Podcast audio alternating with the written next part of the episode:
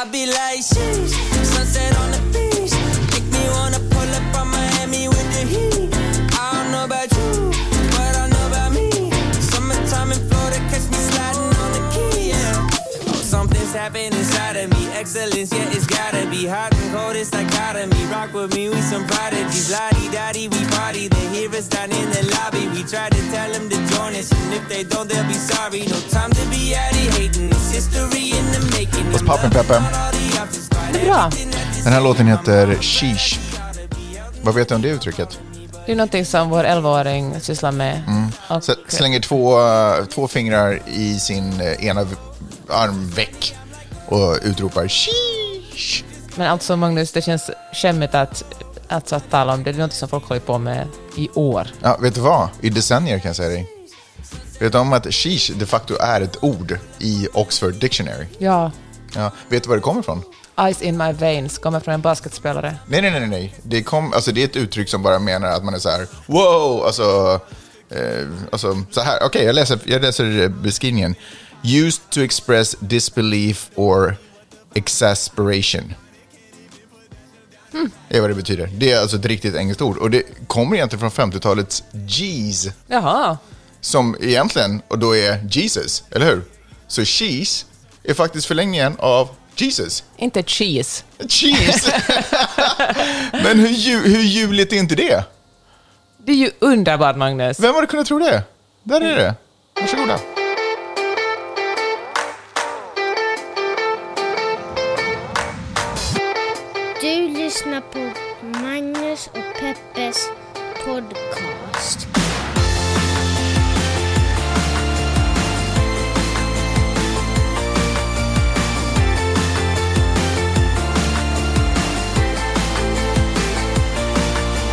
Kollar du på någonsin på den där serien Fonzie var med i den serien? Jag kommer inte ihåg vad den hette egentligen. Happy Days. Happy Days. Jag Oh, älskar den som barn. Vet du vad, min första, min första kassett, min första C-kassett var soundtracket till, eh, till Happy Days med Fonzies eh, bild på omslaget. Just det, för den utspelar sig ju på 50-talet. Den är gjord på kanske 70... När jag var ung. Nej, men den är gjord på 70 70-80-talet, jag vet inte. Men den utspelar sig på 50-talet. Jag tänker att jag kanske älskar den så mycket för att det inte fanns så många kanaler hemma hos oss på 80-talet. Så är det. Nej. Och mina föräldrar tror jag gillade den.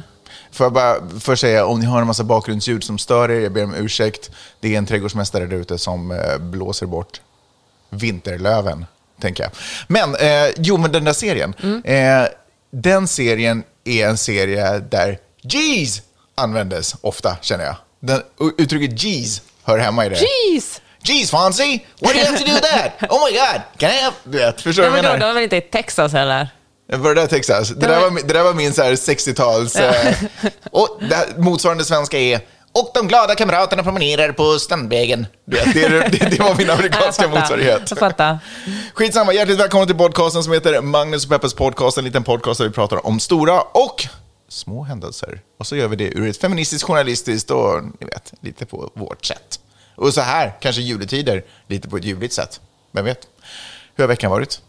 Det har varit en, eh, det har varit en ganska bra vecka, en ovanlig vecka. Vi har ju besökt en läkare till exempel. Alltså, jag har aldrig blivit besprutad så här mycket som eh, jag har varit den här veckan. Jag känner mig liksom 50% människa och 50% kemikalieblandning. Alltså i måndags fick vi allihopa, alla familjen fick uh, covid-vaccinet. Du och jag fick en booster, barnen fick sin första. Och, eh, och sen bara fortsatte det, så hade vi ett, eh, en så årsgranskning hos vår läkare på UCLA. Och eh, där fick vi kan man kalla det för influensavaccinet. årsgranskning om det är första gången man gör det? Ja, men från och med nu ska det ske Ja, en jag gång om tänkte att det var året. en introduktionsgranskning. Kolla alla värden och allting. Ja, men jag tror att i USA så gör man så. Man går en gång om året och så bara kollar man allting. Jag kommer gå oftare. Ja, du gillar ju sånt faktiskt. Mm. Jag gillar ju verkligen inte sånt egentligen. Men eh, jag tänkte på en sak. När vår läkare kom in Mm. var jag så att, åh herregud, hon är 13. Det är liksom Doogie Howser. Du är så här, är det här en fälla? Ska vi barnvakta?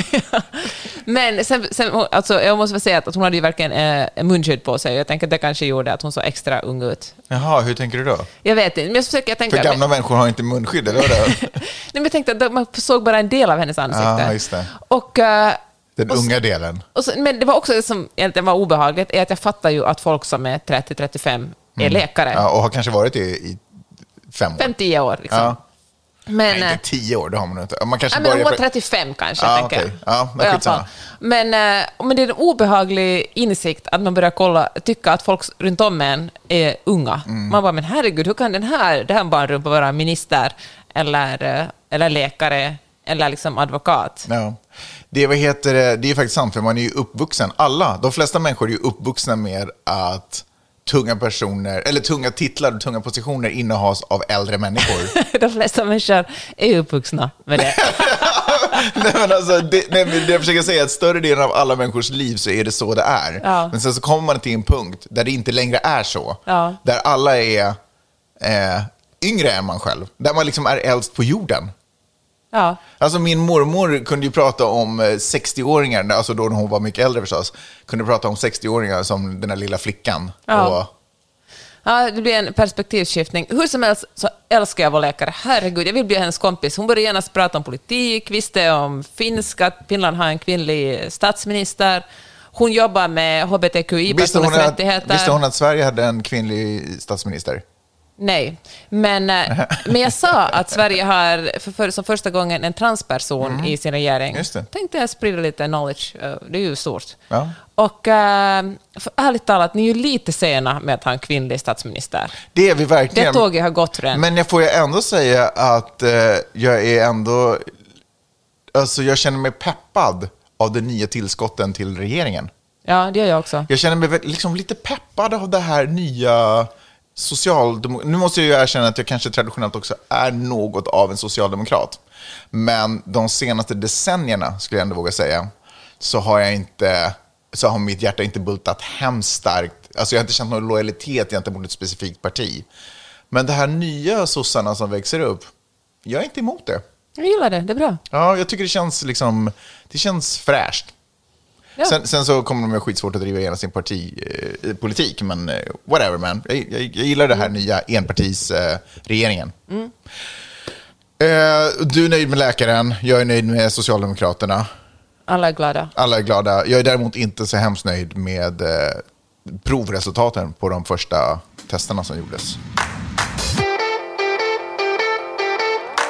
Min vecka har varit ganska bra. Jag har känt mig lite hängig efter boostershotten. Nu har jag ont igen efter alla... Fick jag, jag vet, det var liksom sprutor jag inte ens visste vad det var. Jag, fick nu. jag tänkte att de passade lite på. För jag tänker att de förstår inte allting som händer här nu. Så vi testar också det här, den här sprutan. Så jag har lite ont i axlarna, både vänster och höger. Eh, men framförallt så har jag ont i min själ. Därför att när jag tittade på testresultaten så inser jag att jag måste nog skära ner på en av mina kanske favoritsysselsättningar. En av de saker jag älskar mest på jorden. Vin. Jag beklagar. Vet du vad jag insåg Nej. när vi eh, gjorde alla Att du är bäst.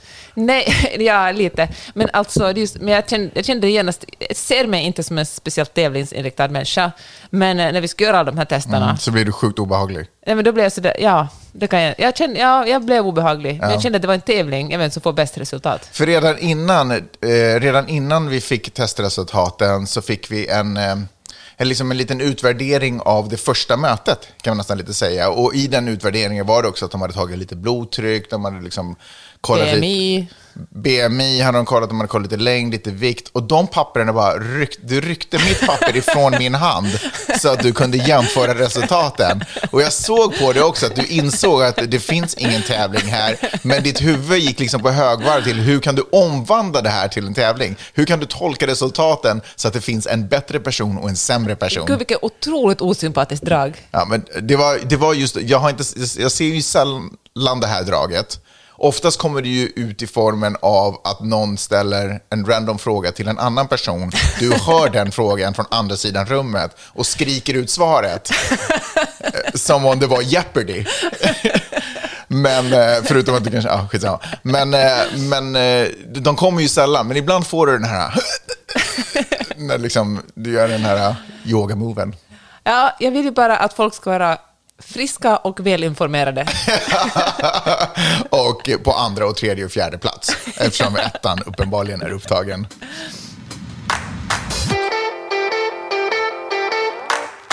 Jag skulle tala om abort, det är ju ett ständigt uppkommande tema i den här podden. Mhm. Men eh, nu är det ju aktuellt igen. Det var ju aktuellt hela året, men nu har vi kommit så långt att eh, Högsta domstolen faktiskt börjar diskutera om de ska häva Roe mot Wade, som är prejudikatet från 1973. Vi har talat om det här, så alla som Tusen lyssnar på den här gånger, ja. podden vet vad det handlar om. Men, Till och med jag har börjat förstå vad det handlar om. men eh, det som jag har tänkt på är att, eh, eller som jag, som en, en tanke som på något sätt har funnits grumlig i mitt bakhuvud, men som jag aldrig riktigt har slipat fram. Men jag har faktiskt tänkt den senaste veckan på hur den här diskussionen skulle se ut om män kunde bli gravida. Och nu fattar jag, män kan bli gravida om man inkluderar transpersoner och så vidare. Men generellt, om vi talar liksom... Cis-män. Ja, cis-män blir inte gravida. Hur skulle det här se ut om cis-män kunde bli gravida?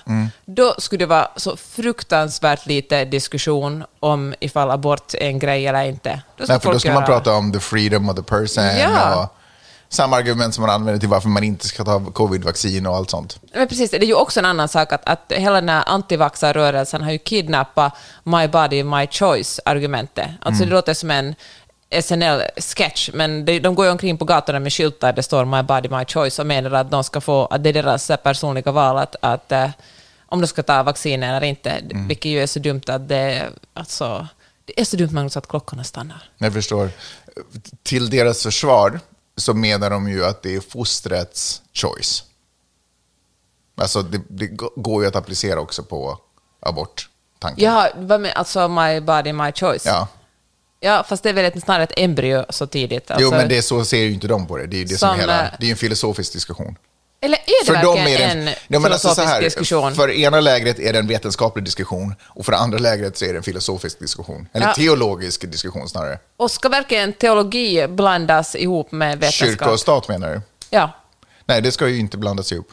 Men eh, just nu är lagen den här att eh, så länge, fram tills att ett foster inte klarar sig utanför kroppen på sin mamma kom, så är det okej att göra abort. Men eh, efter det, vilket vanligtvis, det har varit vecka 24, det har varit vecka 23, nu tror jag faktiskt det var ett foster som klarade sig alltså som hade tagits ut vecka 21 eller 22, så det blir ju tidigare hela tiden. Mm, för vetenskapen går framåt, så det är ju duktigare. under, Ja. underligt.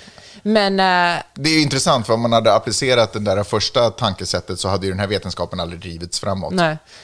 Men eh, det är en sån fruktansvärd kränkning på kvinnor. För jag tänker att det finns ju ett enkelt svar på den frågan. Om man inte vill göra abort, tycker abort är fel, då gör man inte abort. Punkt slut. Tycker man att eh, man inte har möjlighet att eh, få barn, då får man göra abort. Men, eh, men som sagt, ifall Högsta domstolen, som nu består av sex stycken konservativa domare och tre stycken liberala, ifall de eh, får för sig att ja, dra upp eh, Roe versus Wade och liksom göra om den, då kan det innebära att flera delstater i USA, för då, tar det, då slutar det vara en, en det här kommer att röstas om först på våren, men då kommer det att gå så här, då kommer antagligen flera delstater göra som Texas nu har gjort och eh, praktiskt taget förbjuda abort helt, medan andra mer liberala delstater som Kalifornien till exempel kommer att eh, fortsätta låta abort vara en möjlighet för kvinnor. Och eh, nu säger jag något som jag sagt jättemånga andra gånger, men jag tycker det här är så viktigt, för USA är ett sånt, eh, inte bara ett ojämställt samhälle, utan också ett, ett eh, klassamhälle. Givetvis drabbar det här ju kvinnor som har det sämst ekonomiskt och annars också de mest utsatta. De som inte har möjlighet att åka över delstatsgränser för att göra en abort. Utan det drabbar dem som... Vilket leder till... Alltså ett abortförbud leder ju aldrig till färre aborter, utan det leder ju alltid till färre säkra aborter. Vilket i praktiken kommer att vara att fler kvinnor kommer att antagligen skada sig för livet eller till och med dö, eftersom eh, det inte finns ett, ett eh, säkert sätt att göra abort längre i deras delstater. Men den stora nyheten är ju att Högsta doms Supreme Court liksom s- står nära att ta upp, eller eh, vad heter det, overrule, eller vad man ska säga, eh, det där eh, caset från 60-talet eller 70-talet. Men frågan är, 73. kommer de göra det, tror du? Jag tror det. Du tror det? Alltså det är ju sex stycken konservativa domare mot Att tre stycken ett, liberala. det blir ett nytt case som blir pre, prejudikat. Ja, det tror jag verkligen. Och eh, eftersom den... Så är det när, när Högsta domstolen tar upp ett fall, då tar de inte upp ett så här allmänt fall och bara nu ska vi se vad abort, utan delstaterna har många olika, speciellt konservativa delstater med republikaner i, så, i majoritet, eller bara i, med republikaner i makten, de eh, har, söker det här hela tiden, skickar in förfrågningar, kan inte upp det här, kan inte upp det här. Och, då, och, och det gäller alla sorters lagar. Och då säger Högsta domstolen så att nej, kolla, det står ju så här, så här tolkar vi grundlagen, det har vi ingenting att göra med. Därför, eh, så, och det här, så har det varit ända sedan 1973. Och uh, jag tror att 92 tog de upp en sån här fråga och så sa de nej, fortfarande gäller Roe vs. Wade från, från 73. Och, eh, men det är att de ens tar upp den här frågan. För nu vill Jag Mississippi- tror också att Högsta domstolen på den tiden, om det inte var demokratiskt övervikt på den då, så var det åtminstone mycket jämnare. Ja, nu är det verkligen en ganska ojämn fördelning. ja. Ja. Eller, Inte för att de nu officiellt ska vara politiskt anknutna, men det är de ju ändå, för det är ju... Ja, och kanske, ja, man snackar om att de är konservativa och liberala. Ja. De säger ju själva att de inte har någon slags, att det är jättefarligt att blanda in politik i lagstiftning, vilket det ju är. Liksom. Det är ju ingen rättsstat då längre. Men på något sätt så är det helt okej att blanda in teologi i det. Ja, nej, men verkligen. I alla fall så, äh, så är det Mississippi nu som vill säga att det är förbjudet att göra abort efter vecka 15. Vilket är ändå en ganska stor skillnad fram till. De flesta aborter görs faktiskt före vecka 15. Men det finns aborter som görs senare också. Men att det skulle bli förbjudet från och med, alltså så fort som möjligt. Och uh, ifall de bestämmer att det här är okej för Mississippi, då betyder det att de går förbi den här lagen från 73. Och, eh, och eh, ja, då är allt uppe i luften igen. Vilket är fan vad deppigt. Alltså man tycker att samhället ska gå framåt och liksom... Och det är så på något sätt, det här landet är så, det är så fullt av paradoxer, för man talar ju så mycket om land of the free, alla ska få bestämma själva och göra som de vill. Men det kommer till kvinnor och, och, men och det kommer folk som inte är vita eller rika, då gäller helt andra regler. Mm, så är det ju förstås. Eh, på mediafronten i USA så eh, CNN-ankaret Chris Cuomo, som för övrigt vars fru heter Christina Cuomo. Det ju bara var enkelt, känner jag. Skitsamma. Han har blivit avstängd från sitt jobb på obestämd tid för att han har en bror som var guvernör i eh, New York. Eh, Andrew. Andrew Cuomo, som hade massa fuffens för sig. Eh, eller bara gjort osköna saker. Alltså och, han eh, begick sexuella övergrepp på kvinnor. yes, det, det är väl fuffens det om något. Ja, men jag tänker att vi kan använda ett bättre ord för det. Ja, jag förstår. Men i alla fall. Eh, men, eh, och då har, visade det sig att Chris, alltså för detta CNN-ankaret, har liksom hjälpt och stött Eh, dels när det handlat, till, handlat om att på något sätt eh, hitta information om de här kvinnorna, men också eh, rådgjort staben i hur de ska kommunicera det här till nyhetsmedier som han då är ett, var ett huvudankare för. Spontana tankar. Jag tycker att det är på tiden. Alltså för Tiden vadå? På tiden att, man, eh, att han ställs inför, eh, inte inför rätta kanske fel ord, men, att, men i alla fall att man granskar Chris Cuomo. Mm. Eftersom eh, han har ju haft en väldigt... Han har ju haft sin bror på, i, sin, i sin jättepopulära show. Han är programledare på CNN flera gånger och, och han hjälpte till också att, att bygga... Mm. Alltså det är svårt att inte ha eftersom hans bror var guvernör och naturligtvis i ropet, speciellt i covid-tider. Såklart, men Chris är ju faktiskt inte, Chris Cuomo är ju inte den enda programledaren Nej, på CNN. nej, det nej. finns ju faktiskt andra också.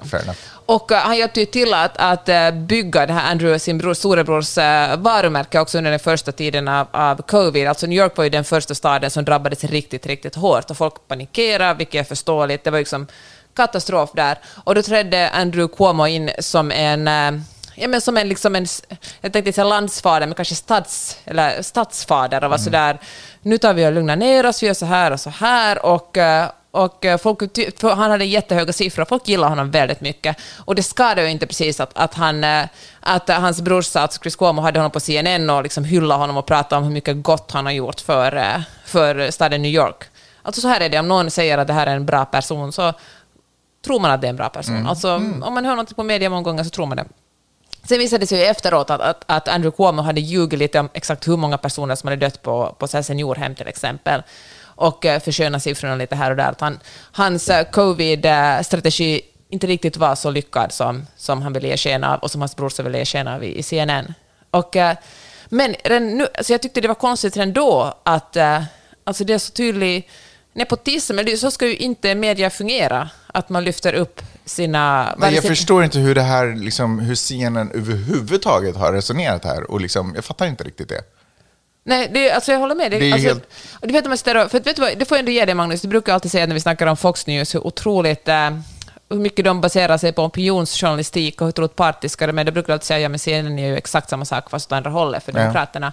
Och det här är väl ett ganska tydligt exempel på det. Och det är faktiskt jättetråkigt för hela, alltså hela journalistiken i USA eftersom jag menar, Trump gjorde ju sitt med att på något sätt undergräva journalisternas trovärdighet och eh, det här gjorde ännu mer. Och jag tror också att det här är ett jättestort problem för att folk inte riktigt fattar skillnaden mellan opinion och, eh, och granskande journalistik. Vi har talat om det här tusen gånger också, men jag tänker säga det ännu en gång. Alltså det som de här TV, de här TV-nyhetsprogrammen som CNN och MSNBC och Fox News är jättedominanta i. Alltså TV är fortfarande, trots alla streamingservicer, så alltså är TV fortfarande ett jättemäktigt medium i USA.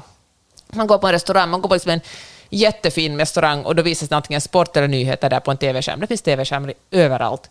Och folk kollar på TV och folk lyssnar på det som folk ser på TV. Och då är det mycket billigare för de här TV-kanalerna att göra opinionsjournalistik. Man bjuder in några gäster och så pratar man om någonting istället för att satsa jättemycket pengar och jättemånga månader på att göra granskande journalistik. Så det mesta som folk hör är opinion.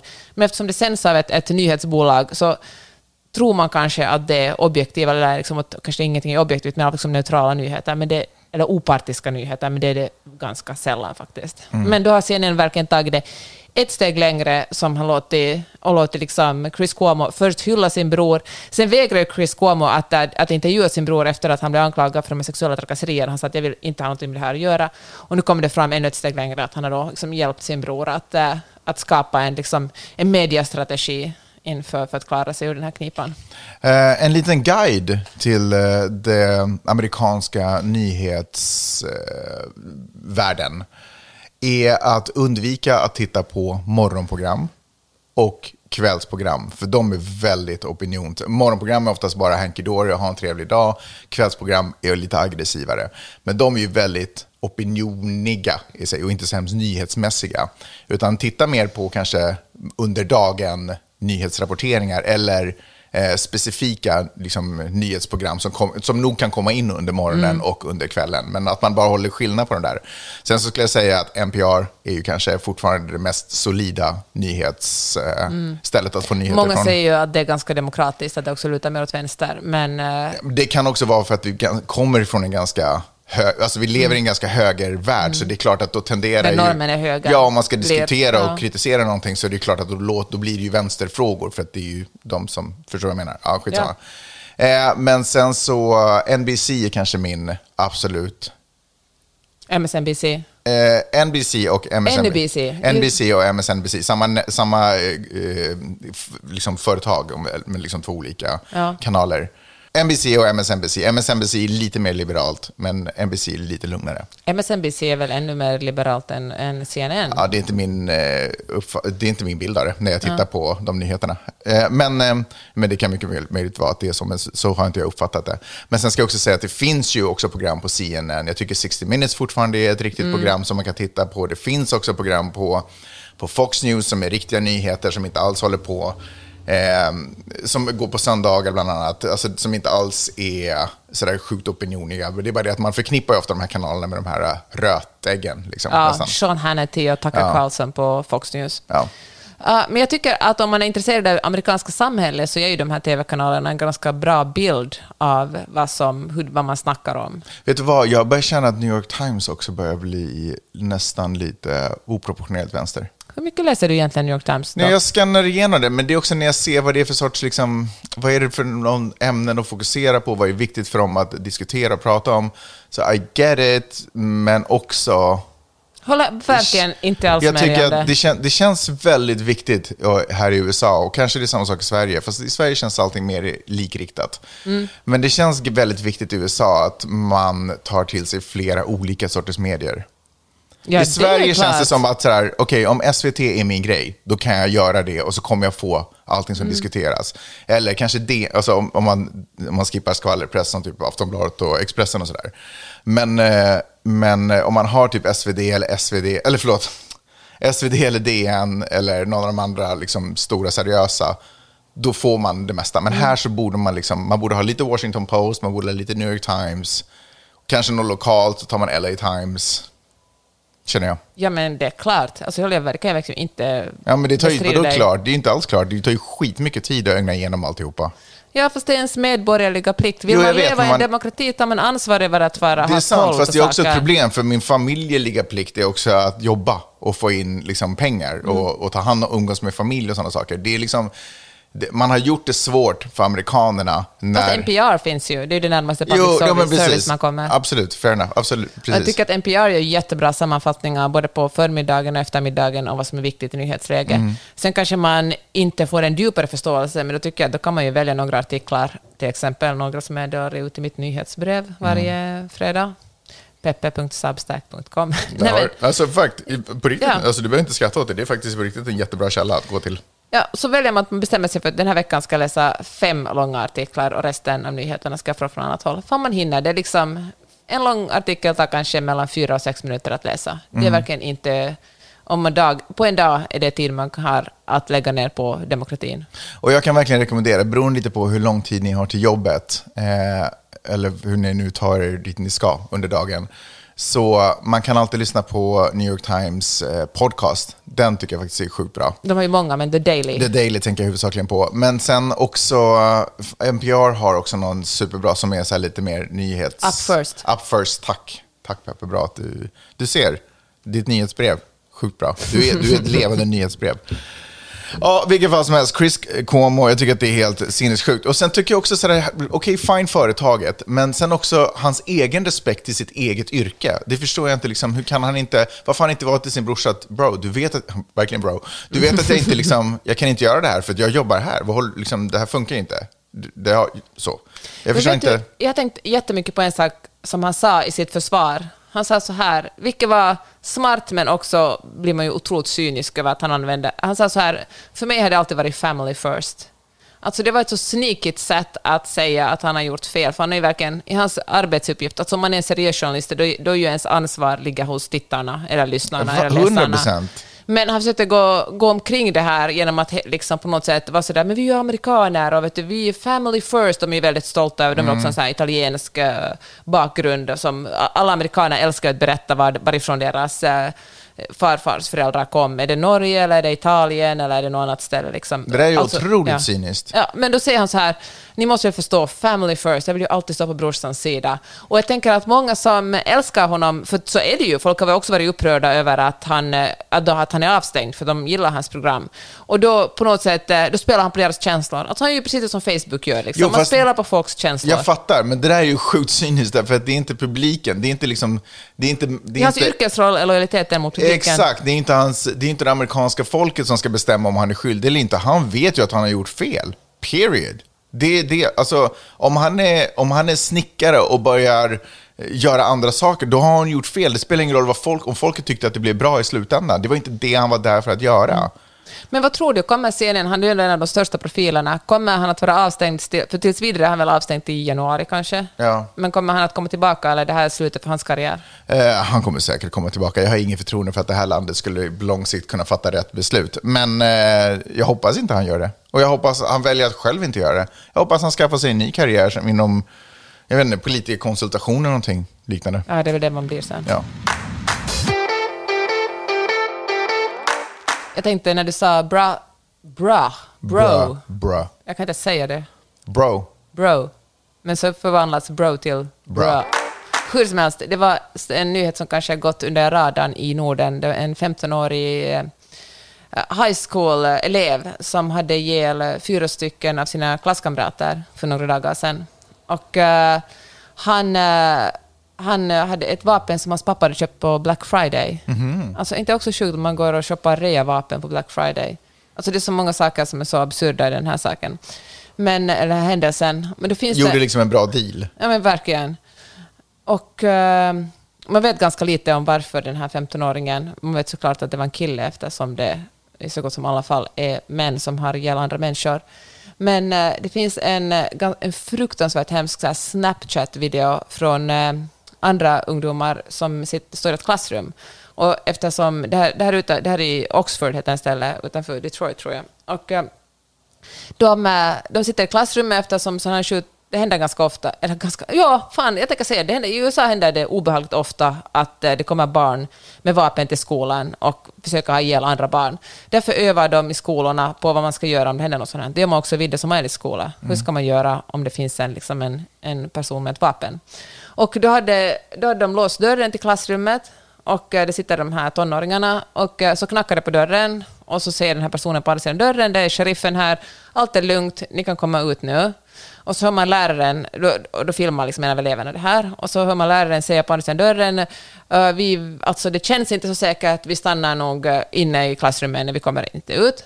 Och då säger personen på andra sidan dörren, att kom igen bro, det är säkert. Och så hör man hur den här personen, en människa, en annan person i klassrummet säger, dude, he said bro, that's a red flag, let's get out. Och så springer alla de här, så hoppar de barnen ut genom fönstret, det här på första våningen, klättrar ut genom fönstret och springer i panik till en annan byggnad på gården. Och det visade sig sen att det var den här eh, liksom, skolskjutnaren som hade stått där på dörren.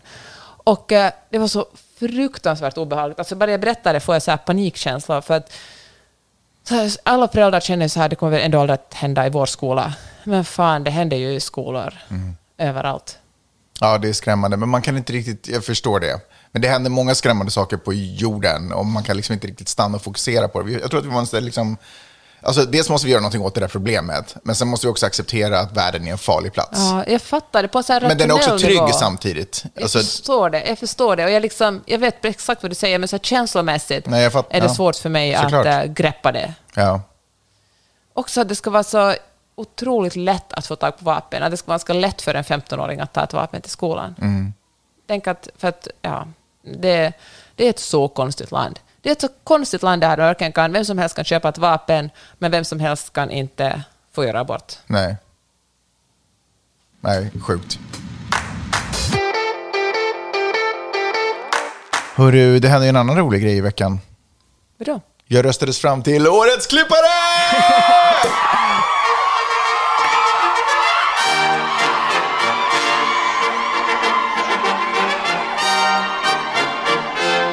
Hur sjukt? Aldrig sett dig så glad, Magnus. Nej men alltså, hur sjukt? Berätta mer. Vad är Tänk det att här för jag är, ett, äh, år- guldredaktören, guldklipparen? Vad, vad är din äh, titel? Guld. Min, min titel numera är Senior Magnus. Nej, jag skojar. Vadå min titel? Nej, vad hette priset? Kan du säga Ja, det? Guldpodden. Guldpodden. Mm, som ordnats, äh, ordnas av eh, två snubbar, nu kommer jag inte ihåg vad de heter, men som har podden som heter Tack för kaffet. Eh, de har dragit ihop ett litet pris, eller litet pris, de har dragit ihop ett pris eh, där man röstar fram årets podd eh, i olika kategorier. Årets klippare, en av de få typ som har med redaktörer som pristagare. För i andra sådana här radiopoddar så är det alltid bara programledarna som tar emot priset. Kanske någon producenten och sånt. Men så det är väldigt roligt att man är ihågkommen i, i den här situationen. Då, jag då vill jag ställa dig en fråga. Mm. Vad är det som gör att du är en så bra redaktör och klippare Kan jag först bara få säga att det var över 200 000 personer som röstade? på dig? I den här, ja, på mig, bara. Noll röster gick till alla, till någon annan. Jag vann nästan också årets podd, kan man säga. Vilket jag i och för sig faktiskt gjorde, för jag klippte. Jag klipper också den, som blev årets podd. Ehm, eh, vad, som gör mig, vad som gjorde att jag vann priset? Ja, jag frågar dig helt seriöst nu. Alltså. Ja. Nej, inte varför du vann priset. Nej, för det var ett helt annat svar. Ja. Nej. För Jag gick Nej. in till eh, en Facebookgrupp och tiggde och bad. Därför vann jag priset. Nej, men varför... Hur, hur blir man... Alltså, vad, är, vad särskiljer en medioker klippare från en bra klippare? Eller redaktör? Frågar jag helt seriöst. Eh, Jag tror att det handlar som i många andra branscher om, det handlar om att kunna, vem som fattar bäst beslut snabbast. Jag tror att det är det som skiljer agnar från vetet överhuvudtaget. Och det kommer ju oftast med erfarenhet. Eh, mycket grundarbete. Vad du fattar bäst beslut? Nej, men för jag tänker att här, om, man, om man har oändligt mycket tid, så då kan vem som helst förr eller senare få ihop ett ganska bra avsnitt. Förstår du vad jag menar? Men vem kan göra det snabbast? Jaha, det trodde jag inte du skulle svara. Intressant. Jag tänker att det är alltid det det kommer ner till. Vem som fattar de bästa besluten snabbast.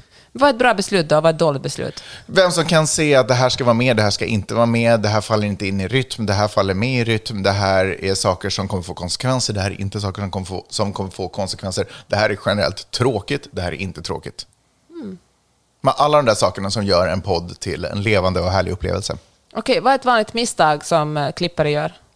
Eh, ett vanligt misstag som klippare gör är att de inte känner Alls av... klipper den här podden som den här podden. att de inte känner av... Eh, nu har inte jag så mycket erfarenhet egentligen, om, om jag ska vara helt ärlig. Att vara en dålig klippare. Nej, men jag kan säga så här. Ett misstag som jag gjorde i början var att jag inte respekterade rytmen i podden tillräckligt mycket. Att, liksom, att, lyssna, att, att jobba med den lite som en, musik, som en låt. Som om man skulle klippa till en beat. Liksom. Det finns beats i punchlines, det finns beats i, eh, i folks röster, hur de pratar, när det ska komma in musik, när man kan klippa ihop två meningar och hur man kan klippa ihop två meningar. Att inte liksom respektera dem, utan att bara se det som ord, ord, ord, ord, ord, ord, ord. Mm, intressant. Okej. Var det klart? Ja, En annat misstag är att överproducera den också med så här effekter och eh, liksom, eh, filter och sådana saker. Så att det låter så, hö- liksom, alltså det blir väldigt så här, det som jag tycker är jobbigt... som man gör i musik. Det som jag kan tycka är jobbigt, som kanske är en smaksak, men när folk, någon säger sådär, och då öppnar vi en champagneflaska, och så lägger klipparen in ett, en champagneflaska i bakgrunden, puff, som öppnas. Ja, just Eller, det. när liksom allt, När, man, när ljuden blir övertydliga. Ja, för jag tänker att om man säger champagneflaska, Ja, då fattar alla det. Det är sådär som när man har, du vet, bildjournalistik. Det finns en bild på en elefant, och Mm. så bildtexten, det här är en elefant. Ja, nej, jag fattar, jag fattar precis, absolut. Det är ju, precis, det är ju, det är ju som, men sen jag tänker att man gör det i början, för det är när man inser att det finns massa olika fonter i Word, man bara, åh, jag vill använda dem alla, för det blir så roligt då. Men eh, så det tror jag kanske inte är så superstort problem för någon som har klippt mer än några, liksom någon månad. Tänker jag, då slutar man säkert ganska snabbt med det. Men just att behandla rösten och samtalet som ett akustiskt instrument, Okej, det tror jag. grattis. Tack så hemskt mycket. Alltså, så jäkla roligt. Men jag, ska säga, jag skulle prata om en annan sak eh, med det här, nämligen om eh, känslan av att tigga röster. För hur... Eh, var går gränsen? Alltså, nu försöker jag hitta två saker ställa mot varandra. Men okej, så här. Jag visste att jag var nominerad. Jag visste att det enda sättet för mig att vinna var att folk röstar på mig aktivt. Det, är ingen, det hade varit lättare om det var en jury. Du vet, det är deras fem händer. De, eh, fem alfa, alla är enarmade. Eh, och, eh, och de bestämmer baserat på olika kvalifikationer och vad det nu kan vara. Men det här, är en röst, det här var en röstningstävling, vilket betyder att så många röster som möjligt måste in. Och jag förstår att folk inte går omkring och tänker på mig på dagarna, eh, sådär, och att jag ligger högt upp i deras liksom, närvaro. Så jag inser ju att för att, jag tror också att folk är villiga att vara snälla, villiga att hjälpa mig. Eh, det, alltså, nu pratar jag om vad jag kände när jag fick reda på att jag var nominerad. Men jag måste påminna dem om det, jag måste berätta om det här. Men att be någon gå in och rösta på en är ju att verkligen, förlåt, kan du klia mig på ryggen i två minuter? Alltså det är ju en otroligt egoist som bara handlar om min att, sådär, att glorify myself. Det är ju bara vad? en onani. Alltså, kan du hjälpa mig med det här? Kan du hjälpa mig att onanera? Ja, säga. nästan, Då li- blir det ett handjob. nästan lite så. Alltså det är ju inte... Nej, förstår, men jag förstår vad du menar. Men vet du vad, jag tror att man inte ska underskatta folks villighet att hjälpa, för det kan kännas jättebra att göra folk en tjänst. Mm. Alltså det, man känner sig lite viktig om man får göra en tjänst. Jag fattar att det här är, fattar, man kanske inte är den enda som du ber om den här tjänsten, men det, känns, det kan kännas bra att hjälpa någon. Jo, jag förstår att det kanske kan göra det, men den är svår den här. äh, För jag menar, alla coola människor, tänker man sig. Alla coola människor eh, som är med i tävlingar, som är, du vet, MTV People's Choice, eller vad det är. De, de, har, de behöver inte gå ut och vara, "Åh, glöm inte det. Alltså, Chris Pratt har aldrig gjort det, tror jag. Gå in och rösta på mig. Ingen gillar Chris Pratt längre. Varför då? Jaha, just han det. Okej, förlåt. kristen Eh, och vänta, vänta. har- Eh, Tom. Hanks. Tom Hanks. Ingen kommer någonsin att inte gilla Tom Hanks. Nej, Exakt. Men han kommer aldrig behöva gå in och vara så här, snälla Nej. rösta på mig. Därför att han, står över det, han är liksom. så A-level. Ja, jag förstår. Förstår du vad jag menar? Så det faktum att man, du vet, och det här handlar ju om att jag vill bli presenterad som en A-level, alltså för att jag har vunnit ett pris, Ja. så kan jag vara så här, jag är A-level för jag är uppenbarligen framröstad till Sveriges bästa. Men jag är super B-level för att jag var tvungen att be folk om de här rösterna. Kan förstår, så här, du förstår den här konfli- inre Ja, konflikten? Jag förstår liksom? verkligen det, men inte det som folk sysslar med på Instagram varje dag? Alltså så här, snälla, kan inte ni göra mig cool? mig? Ja, kan inte ni göra mig cool? Kan göra så jag får många följare och Ja. många likes på den här bilden. Ja. Det är väl exakt samma sak. Det är ju lite Den där var- förödmjukande. Ja, det är otroligt. Nej, det är inte liksom förödmjukande, men det är ju onekligen... Man måste ju svälja en del stolthet. Men kan du istället tänka så här då, du bara uppmärksamma folk om att det existerar en sån här Mm. tävling? Så gjorde jag. Men här kommer nästa twist. Ja. När man har gjort det ja. och man inser att det finns fortfarande mycket tid kvar av röstning, om man är så här, fuck, jag borde påminna. Och den här känslan att nu måste jag göra det här igen. Så bara, snälla, jag vet, men ni som ännu inte har gjort, tack så hemskt mycket. Jag är så, alltså du vet allt det här. Men är det bästa sättet då att gå ut och vara helt transparent, säga att det känns otroligt... Uh, oh, jag måste verkligen svälja min stolthet, men det här betyder mycket för mig. Kan ni vara... Att man bara berättar hur man Mm. känner. Ja. Ja, jag vet inte, men det var en intressant eh, Men det upplevelse. funkar uppenbarligen. Den här gången funkar det, men förra året så funkade det ju inte. Då hade jag ju mycket fler personer som promotade att jag skulle vara med. Ja, det är också intressant. Då hade jag ju bett alla promota och alla promotade verkligen. Alla var superschyssta, men det räckte inte då. Och då är det ju ännu mer så här... Men vet du vad? Jag Man har slagit det, på det stora maskineriet, maskineriet så händer ingenting. jag tror verkligen det är en stor skillnad. Att, eh, jag tror man bryr sig så enormt mycket mindre om det är en annan person som säger gå in och rösta på Magnus än om du gör det själv. Mm. Ja. Jag tror att avståndet genast, att ens lust att göra det sjunker med 90 procent. Jag är i alla fall...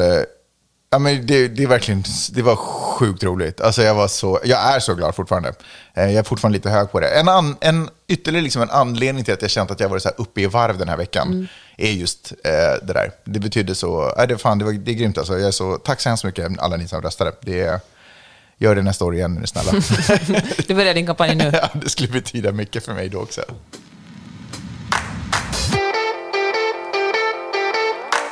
Hör du, jag tror det var allt vi hade för den här podden. Okej. Kul. Kul att tala om dig. Kul att prata med dig också. Du ska... Ska du rida idag? Nej, jag tror faktiskt inte det. Kanske imorgon. Jag vet, det är faktiskt tråkigt. Jag vill inte ens tala om det. Det är jättemånga dagar sedan jag ridit senast. Mm. Jag ska i alla fall surfa på lördag. Okej, Ja. good for you. Jag har hört att du är lite sur för att jag har börjat surfa för du känner att det är din grej. Ja, verkligen. Ja. Jag är också sur för att du rider för någonstans har jag känt att det är min grej. Det är jättedumt att du säger så. Alltså, ja, också när jag sa det igen, jag sa det i... eh, Jag försökte vara liksom... Transparent. Hålla, transparent, berätta hur jag verkligen känner. Och Hur liten du är som människa. Precis, och då bara kommer du och skrattar åt det. Alltså, ja, men surf har liksom varit min. Snurf och so, snurf, Snurf? smurf, surf och snowboard. Det Ja, fattas sur- bara. Surf har aldrig varit din grej. Du, du har hittat på det där i ditt huvud. Du, du har aldrig surfat. Jag har surfat i Frankrike, jag har surfat i Brasilien, jag har surfat i Argentina. Du kom ju borderline upp på en surfat i- bräda. Vad pratar du om? Fuck you. Hur gick det för dig i Mexiko? Hur många gånger stod du på brädan där? Du strugglar med att komma upp på, liksom, på en foamy. Jag är ändå uppe på en... Gud, jag jag är ändå uppe på en longboard liksom. Okej, okej. Vi Okej. ska ta en tävling i vem som är bättre på att surfa. ja, det kan vi göra. Okej. Det kan vi lätt göra. Efter dina 20 lektioner. Ja, ja vi kan Okej. göra det. Gud, vad jag hatar dig. Okej, Okej, bra. Uh, hörni, tack för att ni har lyssnat den här veckan. Verkligen, min sista rekommendation är signa upp på Peppes eh, nyhetsbrev. Det är faktiskt sjukt bra.